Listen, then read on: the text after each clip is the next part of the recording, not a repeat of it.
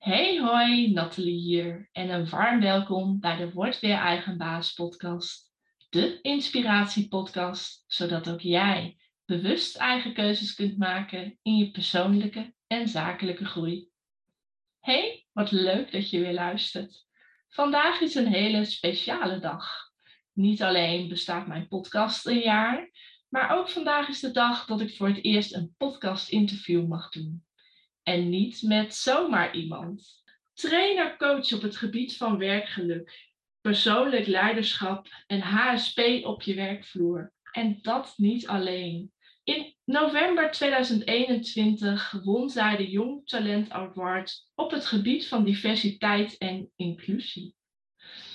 Een warm welkom, Suzanne Nieuwenhuis. Wat leuk dat jij mijn eerste gast wilt zijn. Ja, hartstikke leuk Nathalie. En uh, ja, dank je wel voor de uitnodiging. Superleuk. Ja, super. Wat ons natuurlijk verbindt samen is, uh, ja, word weer eigen baas en het creëren van je werkgeluk vanuit je huidige situatie. En um, ja, regie pakken over je eigen werkgeluk. Hoe doe je dat nou eigenlijk, Suzanne? uh, ja, nou, dat is, uh, dat is inderdaad een interessante, interessante vraag. Ik, um, ik, ik train en coach daar inderdaad op. Um, en dat komt ook omdat ik, uh, omdat ik daar zo mijn eigen pad in bewandeld heb.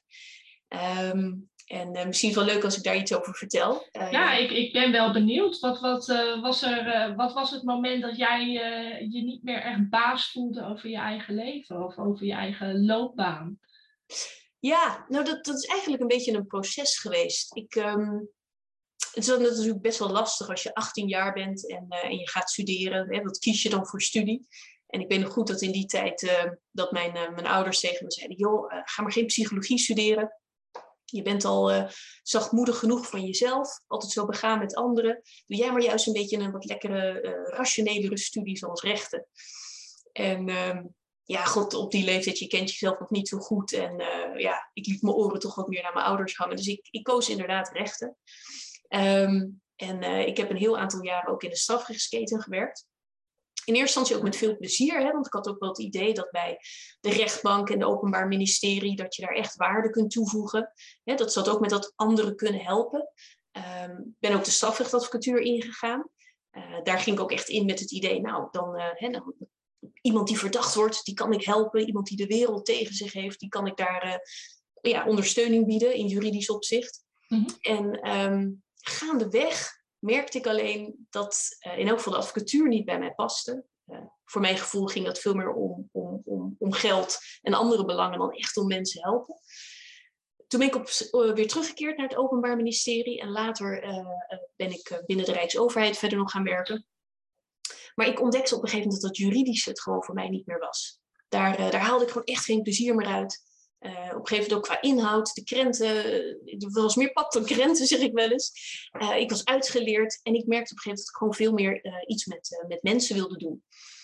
Um, dus dat was voor mij echt een soort turning point, een paar jaar geleden, dat ik dacht, nee, de, de jurist zijn, dat, dat is niet iets voor mij. Dat, dat kleed wil ik letterlijk van me afschudden, die toga wil ik van mijn schouders laten glijden. Mm -hmm. En ja, en dat zette eigenlijk voor mij de hele ontdekkingstocht in werking. Toen ben ik uh, eigenlijk heel veel zelfonderzoek gaan opdoen. Heel veel gelezen, cursussen gevolgd. Uh, op dat moment ook ontdekt dat ik hoogsensitief was. Uh, ja, dat was eigenlijk het begin van alles. want dat zeg ik ook vaak hè, in mijn training en mijn coaching. Het gaat er niet zozeer om dat je, en dat heb ik jou ook een keer horen zeggen in een podcast, het gaat er niet zozeer om dat je al precies weet wat het eindpunt moet zijn. Ja. Maar het gaat erom dat je weet dat je verandering wil en dat je in actie komt. En dat je bijvoorbeeld gaat uitspreken. En nou, dat deed ik toen en ik had een hele toffe manager. Uh, en ik heb toen gewoon heel eerlijk gezegd, joh, ik, ik vind dit werk gewoon eigenlijk niet zo leuk meer. Wat natuurlijk best wel een dingetje is om te zeggen tegen Absoluut. je manager. Ja. Uh, voor hetzelfde geld had hij gezegd, nou prima, voor jou tien anderen. Uh, maar ik bofte toen heel erg. En dat hij ook zei, ja, ik, ik zie jou dat eigenlijk ook doen. Uh, je bent ook echt een verbinder, je bent een netwerker. Dus laten we eens kijken of we jouw takenpakket daar wat op kunnen aanpassen. Dus ik kreeg meer coördinerende taken. En er werd zelfs een heel deel van mijn takenpakket werd weggehaald. Um, en ik mocht uh, Chief Happiness Officer worden binnen de Rijksoverheid, binnen mijn eigen organisatie. Ik mocht de opleiding wow. in dat gebied gaan volgen. Ja, dus zo, zo begon het allemaal een paar jaar geleden. Wauw, Chief Happiness Officer. Wat houdt het in? Wat een toffe term. Ja. En dat was gewoon jouw functie. Ja, en ik weet nog dat ik toen ook zei, huh, wat? Maar even voor de luisteraars, uh, wat, uh, wat houdt uh, Chief Happiness Officer in?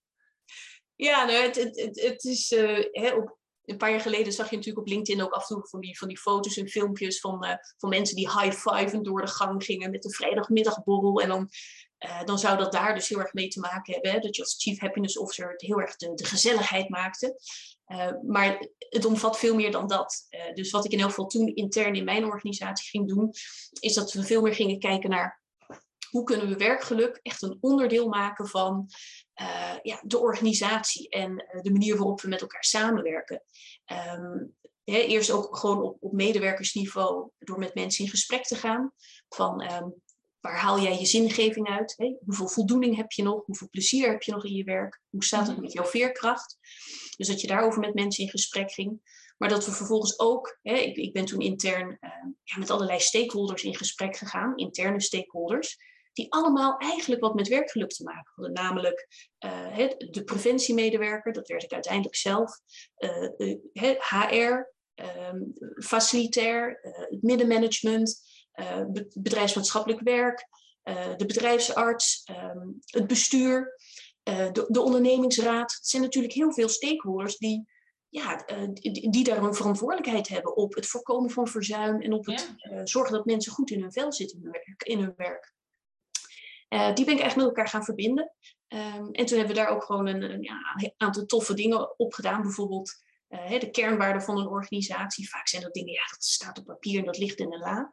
Maar toen zijn we dus ook echt met bepaalde kernwaarden langs de teams gegaan. Van joh, wat betekent deze kernwaarde nu voor jou? Um, wat versta je eronder? Wat is onze gedeelde taal uh, als organisatie? Uh, wat vinden we samen belangrijk? Um, en dat zijn ook elementen die in mijn optiek echt horen bij het werk van een Chief Happiness Officer, bij het, bij het vergroten van werkgeluk binnen organisaties. Ja, hoe mooi is het? Uh, je, noemt inderdaad uh, bepaalde dingen op uh, qua, qua termen. ja, soms zul je bekend mee zijn, maar ja, zoals werkgeluk of zelfzorg of HSP, het zijn natuurlijk um, begrippen en voor een ieder kan het wat anders inhouden. In elk geval ook de beleving erin, want iedereen heeft zijn eigen verhaal. En uh, nou ja, als we bijvoorbeeld laten we werkgeluk even nemen. Jouw, uh, jouw bedrijf heet Werkgelukt. Maar uh, ja, werkgeluk, ehm, we maken het inderdaad vaak zo groot. Maar wat houdt het eigenlijk volgens jou in? Precies, precies. Het wordt inderdaad heel groot gemaakt. Um, en wat, het in feite, wat ik er het mooie ook van vind, en daarom ben ik ook zo'n fan van persoonlijk leiderschap, uh, die twee onderwerpen, hè, werkgeluk en persoonlijk leiderschap, die hangen heel nauw samen. Want tuurlijk, een organisatie heeft er een rol in, een manager heeft er een rol in. want als het niet veilig is of de werkdruk is echt letterlijk veel te hoog, um, of je kunt jezelf niet zijn op je werk, dan is het lastig om, om persoonlijk leiderschap te pakken en om, om je werkgeluk te vergroten. Maar voor een heel groot deel heb je natuurlijk wel daar invloed op. En voor een heel deel kun je het wel zelf bepalen. Uh, en er is een heel mooi model in de, in de werkgelukwetenschap. Uh, en dat is gestoeld op een aantal pilaren. Uh, zingeving, waar ik het net al even kort over had. dus hoeveel, um, hoeveel zingeving, hoeveel purpose ervaar je in je werk? In hoeverre kun je bijdragen aan iets wat jouw eigen persoonlijk belang overstijgt? Hè, bij Coolblue is dat misschien uh, alles voor een glimlach, hè, dat je bijdraagt aan de organisatiedoelstellingen. Uh, bij de overheid, zoals waar ik werk, dan is dat bijvoorbeeld het, uh, het, maatschappelijk belang waar je aan bijdraagt, een veilige samenleving. Dus dan kun je kijken naar hoe kan ik aan bepaalde knoppen draaien? Hoe kan ik mijn zingeving bijvoorbeeld vergroten? Of een van die andere pijlers, zoals voldoening in je werk ervaren, resultaten kunnen boeken, je talenten kunnen inzetten, met flow kunnen werken, autonomie in je werk hebben dat je zelf uh, invloed hebt hè, op, op wat je doet, uh, en waar je doet, en hoe je het doet en met wie je het doet. Um, en je hebt nog die pijler van plezier in je werk. Nou, daar kun je zelf natuurlijk ook aan sleutelen door bijvoorbeeld te investeren in je samenwerking met bepaalde collega's. Um, hè, en de sfeer die, die binnen je team hangt, daar heb je zelf natuurlijk ook een hele belangrijke rol in. En tot slot je veerkracht, daar kun je ook aan sleutelen.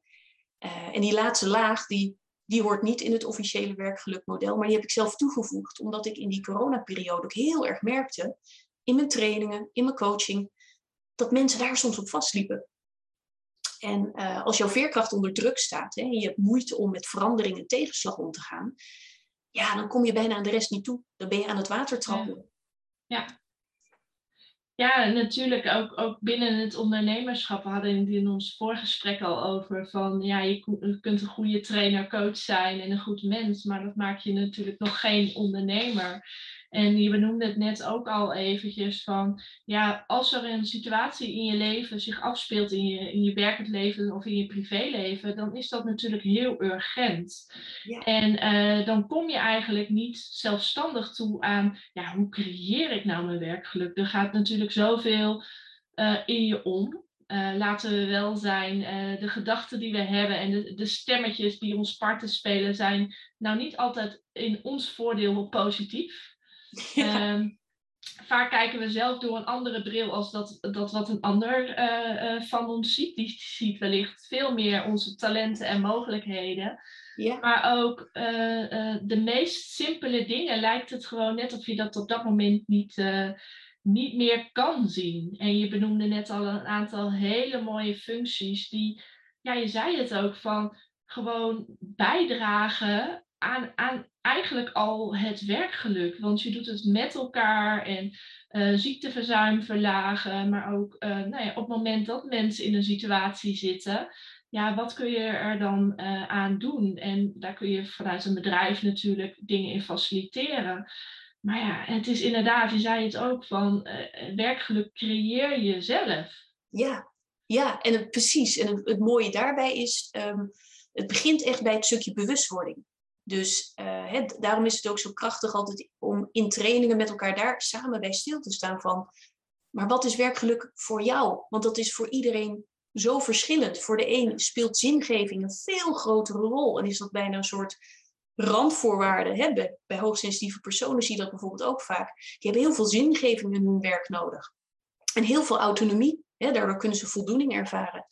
Um, maar het verschilt van persoon tot persoon. De een hecht veel meer waarde ook weer bijvoorbeeld in het ervaren van plezier in het werk. En uh, bijvoorbeeld de interactie met anderen. Dus het begint echt bij het stukje bewustwording van, goh, welke elementen wegen nou zwaar voor mij? En ook om te kijken, ja, waar, waar schort het misschien? Waar schuurt het een beetje? Welke knoppen zou ik aan kunnen draaien? Um, of wat zijn misschien quick wins die je kan toepassen. Maar dat, zijn allemaal, dat is echt meer de actiepunten. En het begint echt bij het stukje bewustwording. En je ziet heel vaak dat, ja, daar heeft men vaak nog niet heel uitgebreid over nagedacht. Bij die eerste vraag, ja, wat, welke componenten zijn eigenlijk belangrijk in mijn werk? Nou, eh, ja, wat waren bijvoorbeeld voor jou de signalen of pijlers dat jij merkte van, nou eigenlijk ben ik helemaal niet meer zo blij? Ja, nou ja, meerdere eigenlijk. um, ik had op een gegeven moment uh, uh, binnen grote overheidsorganisaties, uh, was het soms wat lastiger om ja, direct resultaten te zien hè, van het werk wat je doet. Dus daar had ik af en toe moeite mee en dan ervaarde ik gewoon minder voldoening. ik had het idee dat ik mijn talenten onvoldoende kon inzetten. En juist die samenwerking met anderen, met anderen verbinden, anderen inspireren. Ehm, ja, in mijn werk als jurist in elk geval. Wel later als chief happiness officer, maar als jurist kon ik dat niet genoeg, uh, kon ik die talenten niet genoeg benutten. Um, ja, en wat ik ook wel merkte is ook de, de creatieve ruimte kunnen pakken. Hè? En als ondernemer kan dat wel. Uh, nu ben ik mijn eigen baas en uh, nu kan ik op elk projectvoorstel een groene stempel zetten. dus um, ja, dat zijn facetten die, die, die, die ik op dat moment in dat werk uh, heel erg mis. En in de tijd dat ik in de advocatuur werkte, ja, gold dat ook. Dat, dat was een vrij hiërarchische cultuur. En de werksfeer was niet altijd om over naar huis te schrijven. Dus um, ja, zo, zo heeft het in verschillende fases van mijn carrière, zo, zo zal ieder dat ervaren, hè, in verschillende jobs die je uitoefent, langzaam ontdek je wat past niet bij me ook. En vanuit daar komt ook vaak wat past wel bij me. En daar hoort ook een heel stuk zelfinzicht bij. Wat voor persoon ben jij? Ben je introvert? Ben jij extravert?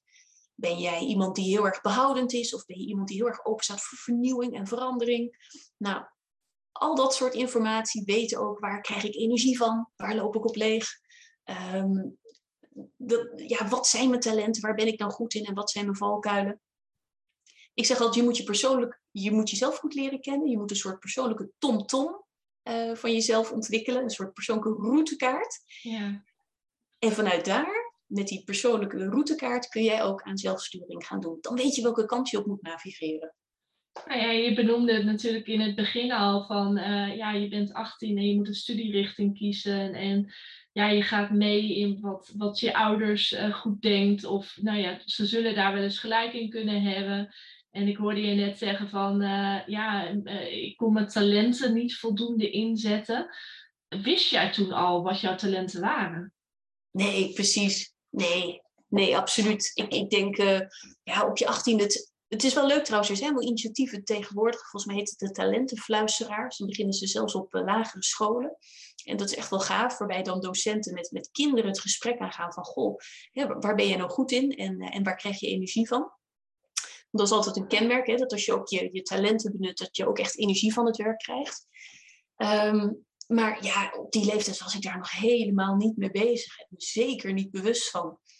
Ehm, en dan moet je vervolgens twintig jaar later moet je de boel repareren en jezelf volledig omscholen.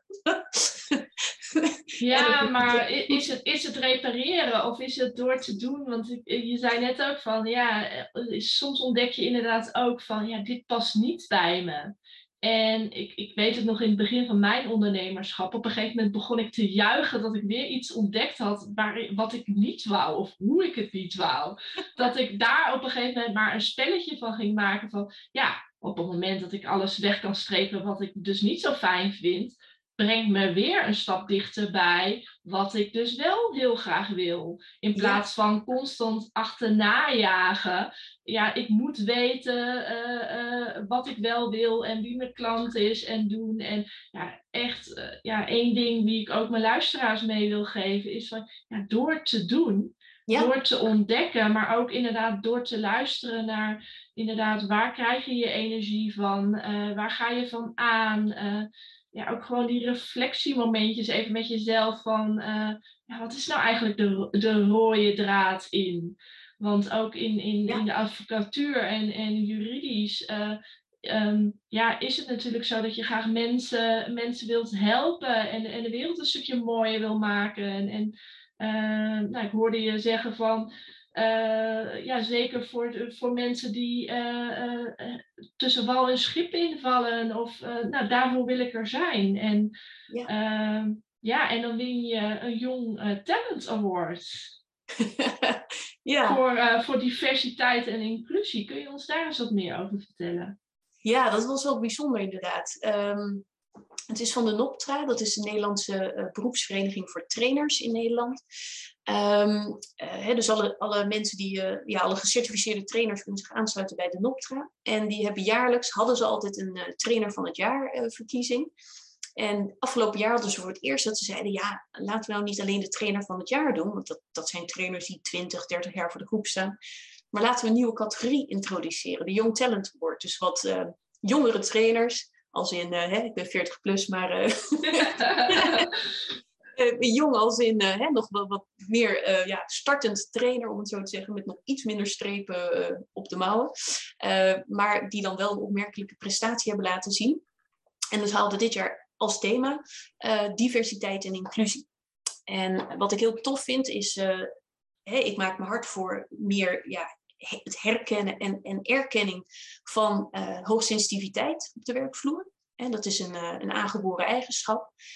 En ehm, ik, ik maak me er heel hard voor en ik vind het heel tof dat doordat ik, uh, nou ja, doordat ik die award in ontvangst mocht nemen, dat was tegelijkertijd een bevestiging van ja, zie, hoogsensitiviteit kun je ook scharen onder het onderwerp diversiteit, neurodiversiteit, hè, het brein wat anders werkt. Uh, dus diversiteit is veel breder dan alleen maar man, vrouw, uh, huidskleur, maar ook neurodiversiteit.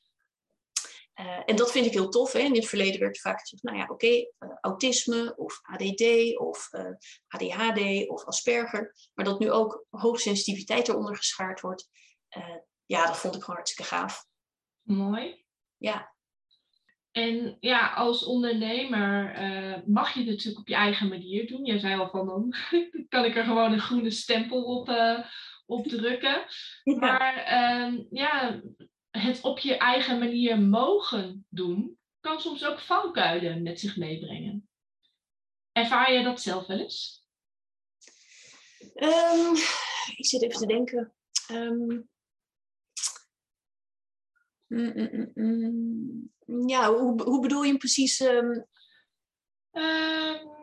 nou ja, voor een baas werken brengt bepaalde zekerheden met zich mee qua financiën.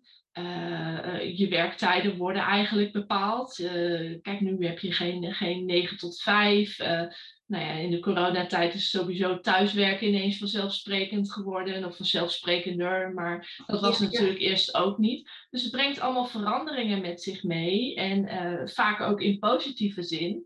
Maar uh, nou ja, uh, ja, je bent tevens ook je, je eigen collega, je boekhouder, je administrateur, je marketing. nou ja, welke rollen je ook allemaal hebt. En hoe zorg je dan dat je ook binnen je eigen bedrijf Chief Happiness Officer uh, toepast. Ja, dat is een leuke. Ja, dat klopt. Want ik moet inderdaad nu ook Chief Happiness Officer zijn eh, binnen mijn eigen bedrijf. Nou, ik denk dat mijn grootste valkuil is wel... Kijk, ik vind mijn werk tegenwoordig gewoon heel erg leuk. En uh, ik ben ook al van overtuigd dat als je werk doet wat je dus leuk vindt, wat je goed past, dan kost het je ook minder energie. Dus dan kun je ook wat dat betreft veel meer uren maken. Hè? En uh, het, wat vroeger wel eens gezegd werd, ja, mensen die hoogsensitief zijn, ik ben zelf hoogsensitief, die kunnen niet zoveel aan. Daar ben ik het totaal niet mee eens. Hè? Die kunnen maximaal drie dagen per week werken. Onzin. Ik heb periodes gehad dat ik zes, zeven dagen in de week werkte. Vooral toen ik nog de combinatie had tussen hè, drie dagen loondienst en mijn eigen bedrijf opbouwen. Um, maar mijn valkuil is wel dat ik het zo leuk vind dat de stopknop af en toe eventjes ontbreekt. Hè, en dan ga ik maar door en dan zit ik om 11 uur s'avonds af en toe nog op mijn LinkedIn. En dan moet ik mezelf af en toe weer heel hard uh, afremmen. Um, hè, ik, ik geef ook workshops op het gebied van prikkelmanagement. En dat is ook iets waar ik af en toe echt weer zelf naar terug moet grijpen. Uh, mijn eigen persoonlijk prikkelplan. Um, van hoe kom ik weer wat dat betreft in een rustiger vaarwater? Hoe kan, kan ik mezelf uh, even afremmen of afschakelen s'avonds? dus dat is denk ik mijn grootste valkuil. Um, dat ik af en toe te hard te hard werk, te hard doorjakker. Ja. Het is natuurlijk ook zo in het ondernemerschap, je, je, je doet iets of je bent er, sommige mensen zeggen ik ben erin gerold. Of, uh, maar het is vanuit een verlangen dat je iets graag anders wilt en, en bepaalde iets niet meer in, in de fase van je leven past. Of je graag iets op jouw manier wilt doen. Nou, een van de eigenschappen die mensen natuurlijk vaak benoemen is, is, is het vrijheid. Maar tevens brengt de vrijheid ook met zich mee. Ja, je mag het op je eigen manier indelen. Maar ja, wat als het nog eventjes niet zo loopt of er tegenslagen zijn? Of ja, hoe blijf je dan toch die regisseur van je eigen loopbaan? En uh, zelf kun je uh, blinde vlekken hebben, maar ook uh, de stemmetjes die in je oor tetteren. Of je vergelijken met ondernemers die tien jaar meer ervaring hebben in het ondernemerschap dan, uh, ja, dan dat jij hebt. En ja, waar meten we ons aan? We hadden het ook al over van uh, ja, over zingeving en persoonlijk leiderschap. het zijn hele mooie thema's. En op het ene thema zal de een wat verder zijn dan de ander. Maar misschien ook nog niet bewust van zijn. Eh, dat dat er ook onder valt. Of dat dat ook een belangrijk iets is, waardoor we het in ons hoofd misschien groter maken, maar bijvoorbeeld ontdekken dat hetgeen waar we tegenaan hikken eigenlijk maar 5% is van de tijd die we eraan besteden. En de overige 5, uh, 95% eigenlijk gewoon hartstikke leuk zijn uh, om te doen. Ja, nou ja, dat, dat is wel grappig dat je dat zegt, want dat had ik dus inderdaad laatst in een training. Uh, ik geef trainingen op het gebied van werkgeluk, persoonlijk leiderschap en jobcrafting. Uh, jobcrafting is ook uh, ja, een hele toffe methodiek. Dan ga je echt kijken op taakniveau. Hè, wat voor werk doe ik allemaal? Hè, wat zijn mijn taken misschien op, op basis van mijn functieomschrijving, maar ook wat je er allemaal naast bent gaan doen. Misschien ben je bij de ondernemingsraad gaan werken. Misschien heb je een bepaald project erbij gekregen. Dus je gaat eigenlijk alles voor jezelf op een rijtje zetten. En vervolgens ga je plussen en minnen. Ga je kijken naar bijvoorbeeld wat geeft me energie of wat kost me energie, maar ook waar zitten misschien groeikansen, ontwikkelkansen. Nou, zo hebben een aantal criteria. En het grappige was, iemand had die analyse gemaakt voor zichzelf. En dan laat ik ook wat in beeld brengen hoeveel uren per week iets je kost. En toen de sessie daarna zei die ene uh, deelnemer zei tegen me, ja, een, een, een man, eind 30, die zegt: Goh, nou val ik toch bijna van mijn stoel, want ik maakte die analyse. En dan kom ik erachter dat die enorm energieslurpende taken, die, die altijd de hele dag boven mijn hoofd hangen als het zwaard van Damocles, die, die ik zo mijn werkdag laat beheersen, dat die inderdaad letterlijk maar 5% van het taakpakket vormen. En als ik die in de ochtend gelijk zou doen, dan kan ik de rest van de dag freewheelen, zegt hij. Want de rest van mijn werk vind ik hartstikke leuk. Nou, dat was een dijk van een inzicht waarvan je denkt, ja, ja geweldig. Ja, super. Ja ja, inderdaad, inzicht en, en, en bewustwording. Uh, ja. En uh, ja, je noemde het net even persoonlijk prikkelplan. Nou, daar werd ik door geprikkeld. Dus kun je daar misschien even wat meer over vertellen? Want toen hoor je iets en dan denk je, oh, wat is dat? Wat leuk. Ja, dat is, uh, ja, dat is wel gaaf. Um, wat je heel vaak ziet bij mensen die hoogsensitief zijn, uh, is dat ze in het begin ook als ze het ontdekken, vaak ontdekken ze het omdat ze ergens tegenaan lopen. Omdat ze uh, fysieke klachten of mentale klachten krijgen. Hè, vaak vermoeid, um, stress, burn-out ook heel hoog onder die groep. Uh, en wat zie je dan vaak? Dat er ofwel een teveel aan prikkels is, of soms ook een tekort aan prikkels. Hè. Dat bestaat ook. Dat noemen ze de, de bore-out. Dan ben je als het ware onderprikkeld. En um, wat de kunst is om voor jezelf, is om in balans te komen. En wat daar heel erg bij kan helpen, uh, ja, dat heb ik ontwikkeld, dat heb ik een persoonlijk prikkelplan genoemd, is dat je voor jezelf uh, in beeld brengt wat prikkelt mij enorm uh, aan externe factoren. Dat zijn meer de, de zintuigelijke dingen. Van, van, nou, de ene, heeft, de ene hoogsensitieve persoon heeft bijvoorbeeld veel last van, van, van fel licht, of van geluid, of van een bepaalde reuk, of, of smaak, of textuur. Dat is heel zintuigelijk. Maar het zijn ook dingen zoals uh, nou, alle informatie die tot je komt, denk maar aan alle e-mailtjes en alle nieuwsberichten, social media, tot sociale interactie. Dus ook heel prikkelend voor hoogsensitieve personen. Dus dan laat ik ze dat in beeld brengen. Vervolgens breng je in beeld uh, wat heb ik aan interne prikkels. Dat wordt vaak vergeten. Hè? Er wordt vaak ook gedacht, ja, prikkels, oh, dat is als ik in een kantoortuin werk. Maar het is ook vaak juist al die drukke gedachten waar jij het net over had. Hè? Die gedachten in je hoofd uh, de emoties die daar weer het gevolg van zijn, maar ook dingen zoals bijvoorbeeld uh, hongerprikkels, fysieke prikkels in je lijf, dat noem ik interne prikkels, die breng je allemaal in beeld. En vervolgens ga je kijken, oké, en wanneer ben ik dan als het ware van groen naar licht oranje, naar donker oranje, naar rood aan het gaan?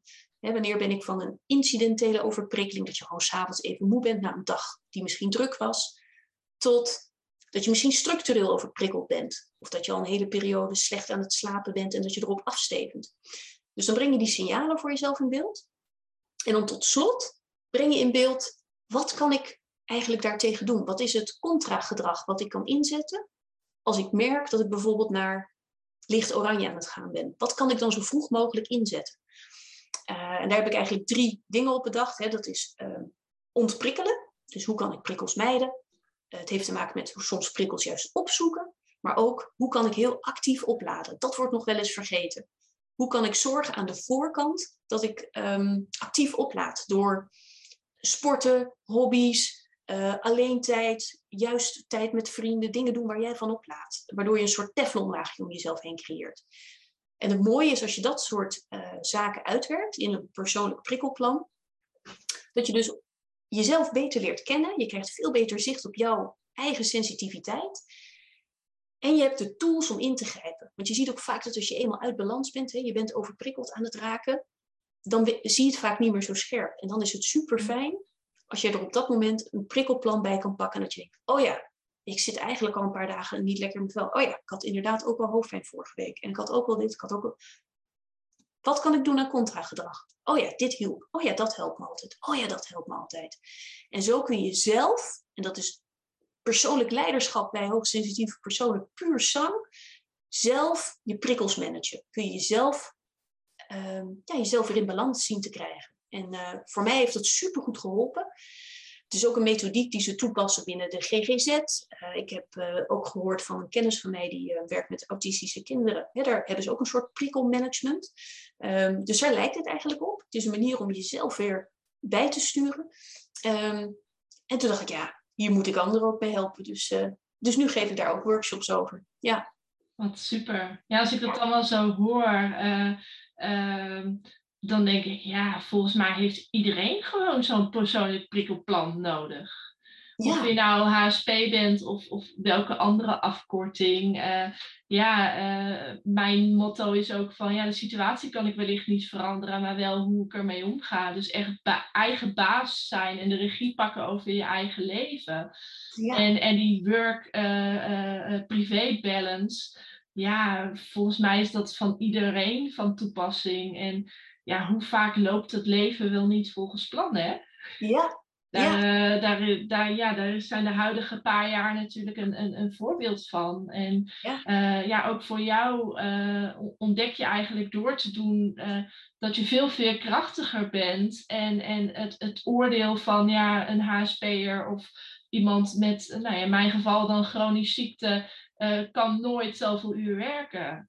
Ja, ja dat, dat geloofde ik heel lang zelf ook. Ja, Precies. Ook omdat het je inderdaad uh, verteld werd. Uh, ook omdat ergens een stempel afgekeurd. er is natuurlijk ook reclame van. maar die, die, die stempel, ehm, als, als ik dat nu hardop uitspreek, ik denk ja, die, die is, is gegeven. Ehm, maar die heb ik mezelf dus ook laten aannemen. En dat is gewoon ook heel lang mijn waarheid geweest. Ja. En als ik kijk wat er nu mogelijk is en, en, en uitgaan van kansen en mogelijkheden, waar ik natuurlijk ook, uh, ook op coach, ja. Uh, ja, zijn het vaak de, de, de inzichtmomenten en de kleine stappen die maakt dat jij uh, inderdaad inzicht krijgt in hoe is het in jouw leven. Uh, hoe zie je het, het, het, je leven, het ondernemerschap? Het is, het is niet alleen inderdaad je werk, maar natuurlijk ook privé gerelateerd. Uh, kwaliteit van slaap. Um, inderdaad, welke, welke prikkels zijn er? We zijn heel makkelijk om buiten onszelf te kijken. Maar inderdaad, welke signalen heb je ongemerkt misschien gemist? En doordat je er dus aandacht aan geeft, uh, wil niet zeggen dat het meteen uh, goed gaat. Of uh, heel veel weet je natuurlijk ook al. Ik zeg, van, ik, ik, ik, zeg ook vaak van ja, ik vertel eigenlijk niks nieuws. Uh, alleen uh, we dienen het onszelf even te herinneren. En door er met elkaar over te praten, en zoals nu ook in de podcast, het onder de aandacht te brengen, het bespreekbaar te maken, ook, ook de mensen mee te geven van ja, wat je ervaart, ja, hé, hey, uh, dat is ook ons verhaal en allemaal van ons eigen, vanuit ons eigen perspectief. En ja, wat, wat zou je willen doen naar je eigen, eigen werkgeluk? En ja. ja. wat is vanuit daar je huidige startpunt? Ja, precies, precies. En dat, dat is zo mooi, want uh, dat, is, dat is persoonlijk leiderschap, wat je zegt. Er is natuurlijk ook een kans en daarom is het soms ook een beetje van ja, net zoals met hoogsensitiviteit, hè, krijg ik ook te horen soms, ja, het moet ook niet een label zijn hè, waar mensen zich achter kunnen verschuilen.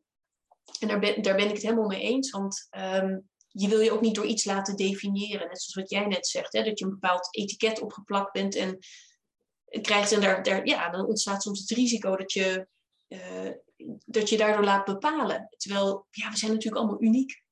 En uh, uh, dus dus, dus labels zijn er niet um, wat dat betreft om, uh, om je te, te definiëren. Uh, en ik denk dat het heel belangrijk is dat je dat, je dat zelfinzicht opdoet, dat je jezelf ja. goed leert kennen. Uh, ontdek wat voor jou werkt. Um, en vanuit daar, vanuit dat stukje bewustwording, um, kun, je, kun je actie gaan ondernemen. Ja. Ja, en het lekker op je eigen manier mogen doen. Dat is wat ik, wat ik mensen gun. Ja. En ja, is er nog iets wat, uh, wat niet aan bod is gekomen en graag met ons zou willen delen? Mm, ik zit even hard op na te denken. Nou ja, ik, ik vind het nog wel leuk om even uh, verder gewoon jouw verhaal, uh, want ik heb natuurlijk naar de podcast ook van jou geluisterd. en ik vind het ook echt enorm inspirerend hoe jij met een chronische ziekte, hoe jij toch alleen maar in kansen denkt. En denk ik, goh, uh, hoe heb jij je mindset zo gekregen? wat jij ook al deelde, is dat het een, uh, een, een, fase is. Ik ben ervan overtuigd dat, dat soms is, is de pijn je te veel. Nou, in mijn geval dan fysieke pijn, waardoor je in actie komt. Maar soms is het verlangen ook zo groot dat je denkt, ja, ik heb eigenlijk niks te verliezen. Ja. De, de, de keerzijde van de medaille heb ik heel lang gekend. En uh, die heb ik nu uh, beetje bij beetje door persoonlijke ontwikkeling, door inderdaad uit te gaan van ja, waar word ik nou eigenlijk blij van en hoe kan ik het op mijn manier wel doen. En heel eerlijk, als je mij dit een paar jaar geleden had verteld, ja, hoe ik nu in het leven sta, hoe mijn ondernemerschap uh, uh, gaat, uh, dan had ik je echt aangekeken van, hè, over die heb jij het, maar niet over mij. Dus het is ook ja, door te doen en te ontdekken van, en het vooral ook op je eigen manier te mogen doen. Ehm, ja, andere mensen hebben ernaast misschien nog eerst tijdelijk een baan. Ja. Uh, nou ja, ik heb nu eerst nog tijdelijk het, uh, het UWV naast me staan, die ik sinds vorig jaar meer als mijn werkgever ben gaan zien. Uh, in de zin van, ja, ik werk gewoon heel hard voor mijn uitkering. En ja, het UWV betaalt daar een bepaald percentage van. En ja, op het moment dat ik denk van, nou, dankjewel, dan neem ik inderdaad ook ontslag van het UWV en zeg ik uh, van uh, ik kan op eigen benen staan. Ja. En of dat nou zittend of staan is, uh, ja, dat maakt niet uit. Ja. Maar soms maak je situaties mee in het leven wat je, wat je vanuit je huidige perspectief nog niet kunt zien. Ja. Maar je kunt wel proberen te luisteren naar je, naar je verlangen. Ja. En te kijken van een stip op de horizon. Ja, precies. Uh, deze podcast is ook niet over één nacht ijs ontstaan. En uh, ja, nu weer een andere weg ingeslagen. Van hoe kan het uh, fijner, hoe kan het makkelijker, hoe kan ik van waarde zijn voor mijn luisteraars. ja, ik vind het heel fijn om met andere ondernemers te spreken. Dus ja, dat ik denk, waarom niet? Ik ben eigen baas. Ik, ik, ik doe daar. En hoe leuk is het dan dat je ontdekt op, me, op mijn LinkedIn uh, van, oh, podcastfeestje, goh, oh, dat is morgen. Oh, dan bestaat morgen mijn, uh, mijn podcast een jaar. En gewoon binnen 24 uur uh, zulke leuke reacties op LinkedIn, waaronder jij, ja. dat ik denk, hé, hoe dan? Wat overkomt me? maar dat is niet iets wat je, wat je bedenkt. Ik kom er echt achter, hoe minder ik bedenk, hoe beter het gaat. Ja, ja, ja. nou dat is het vaak, hè? Niet te veel alleen maar in het hoofd, maar ook je gevoel volgen. Ja, ja. en, en uh, ja, wat draagt daarin bij aan, aan, aan mijn werkgeluk? Uh, uh, doen waar je blij van wordt. en, en de weg naar dingen ontvouwt zich dan ook. Er zijn bepaalde clichés, maar het is wel ja, uh, een, een ontdekkingsreis, een ondernemersreis, waarin uh, uh, ik middels deze podcast onder andere mensen meeneem. En ja, de verschillende fases in het ondernemerschap van, van startende ondernemers die nou, vragen met vragen rondlopen van ja, wanneer is nou het moment om in me in te schrijven bij de KVK en hoe zit het met mijn uitkering? Maar ja, ook uh, al ondernemers, jong talents, uh, met welke leeftijd dan ook, die, uh, ja, laten we wel wezen, onszelf gewoon soms ook nog op de handrem ondernemen of ja, in onze eigen onzekerheden stappen. terwijl een ander ons, ons talent en bewondert om, om wat we doen en dat we het doen. Ja, nou ja, en dat is wel inderdaad, als je dan vraagt van wat wil je nog meegeven, denk ik, is dat misschien nog wel een, leuk om mee af te sluiten. Dat ik wel geloof, je kunt naar een ander kijken en denk, oh, die is er al, of had ik dat maar. Maar het begint ook af en toe bij, hè, uh, zonder wrijving geen glans, je moet af en toe in je stretchzone en soms moet je uit je comfortzone letterlijk, uh, om ook je groei en ontwikkeling door te kunnen maken. En ik denk iedereen die voor zichzelf bepaalde stappen heeft gemaakt, heeft enig ongemak gehad, heeft enig gespanning moeten meemaken, heeft even dingen niet willen doen en het toch doen. En juist die dingen vaak, die brengen je het verst. Ja. ja. En dan ontdek je ook dat eigenlijk langs de zijlijn cheerleaders staan. Ja. Uh, en dat je, dat je het niet alleen hoeft te doen. Zeker. Ook in het uh, zelfstandig ondernemerschap. Uh, van ja, het is dan wel, je bent een eenmanszaak, maar dat wil niet zeggen dat je het alleen hoeft te doen. En daar is deze podcast een mooi voorbeeld van. En ja, Suzanne, hoe, hoe kunnen mensen met jou in contact komen of jou gaan volgen als ze meer willen weten over wat je allemaal doet binnen werk gelukt en ja. Ja, leuk. Nou ja, ze kunnen me vinden op, op LinkedIn. Um, uh, onder uh, Suzanne Nieuwenhuis. Um, ik zit ook op Instagram. Uh, Suzanne Nieuwenhuis met een underscore werkgelukt. Met een T op het eind. of op mijn website. En daar kun je ook artikelen vinden, podcasts, een gratis webinar als je het leuk vindt. Dus van harte welkom. Nou, weet je wat ik voorstel? Ik uh, doe in de podcastomschrijving gewoon even een aantal leuke linkjes erbij. Ja, uh, ja, hoe kan het makkelijker? Nou, gewoon door op een linkje te klikken. en uh, ja, hoe heet dat? Hartstikke dank voor, voor dit gesprek en ja, je openhartigheid om te delen wat, wat jouw proces hierin was. En ja, voor de luisteraars heel graag tot een volgende keer. Denk jij nu ook van wat tof, ik wil ook wel eens te gast zijn? Stuur me dan even een pb via LinkedIn of via Facebook. En um, ja, wil je verder kletsen over wat werkgeluk voor jou inhoudt? Of dat je denkt van, nou, ik loop een beetje ergens vast en ik maak het mezelf onnodig moeilijk. Meld je dan even aan voor de gratis Facebookgroep. Hoe kan het ook anders? Word weer eigenbaas en heel graag tot een volgende keer.